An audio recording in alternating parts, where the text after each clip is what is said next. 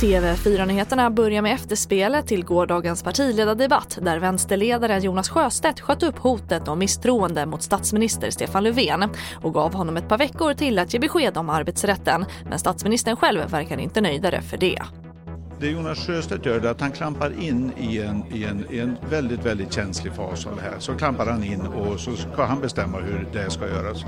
Eh, det är totalt fel.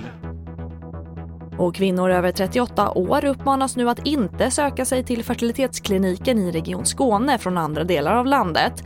Korta väntetider där har lockat patienter från andra län men enligt Sydsvenskan är kön nu så lång att lagret av ägg och spermier har börjat sina.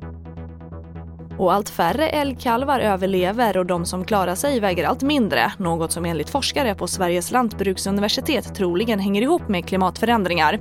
Det rapporterar SR. Dels trivs älgar inte i varma temperaturer och sen gör värmen det svårt för älgkon att producera mjölk. Framförallt drabbas älgstammen i södra Sverige där jägare uppmanas undvika att skjuta välväxta djur. Och det får avsluta TV4 Nyheterna. Jag heter Charlotte Hemgren.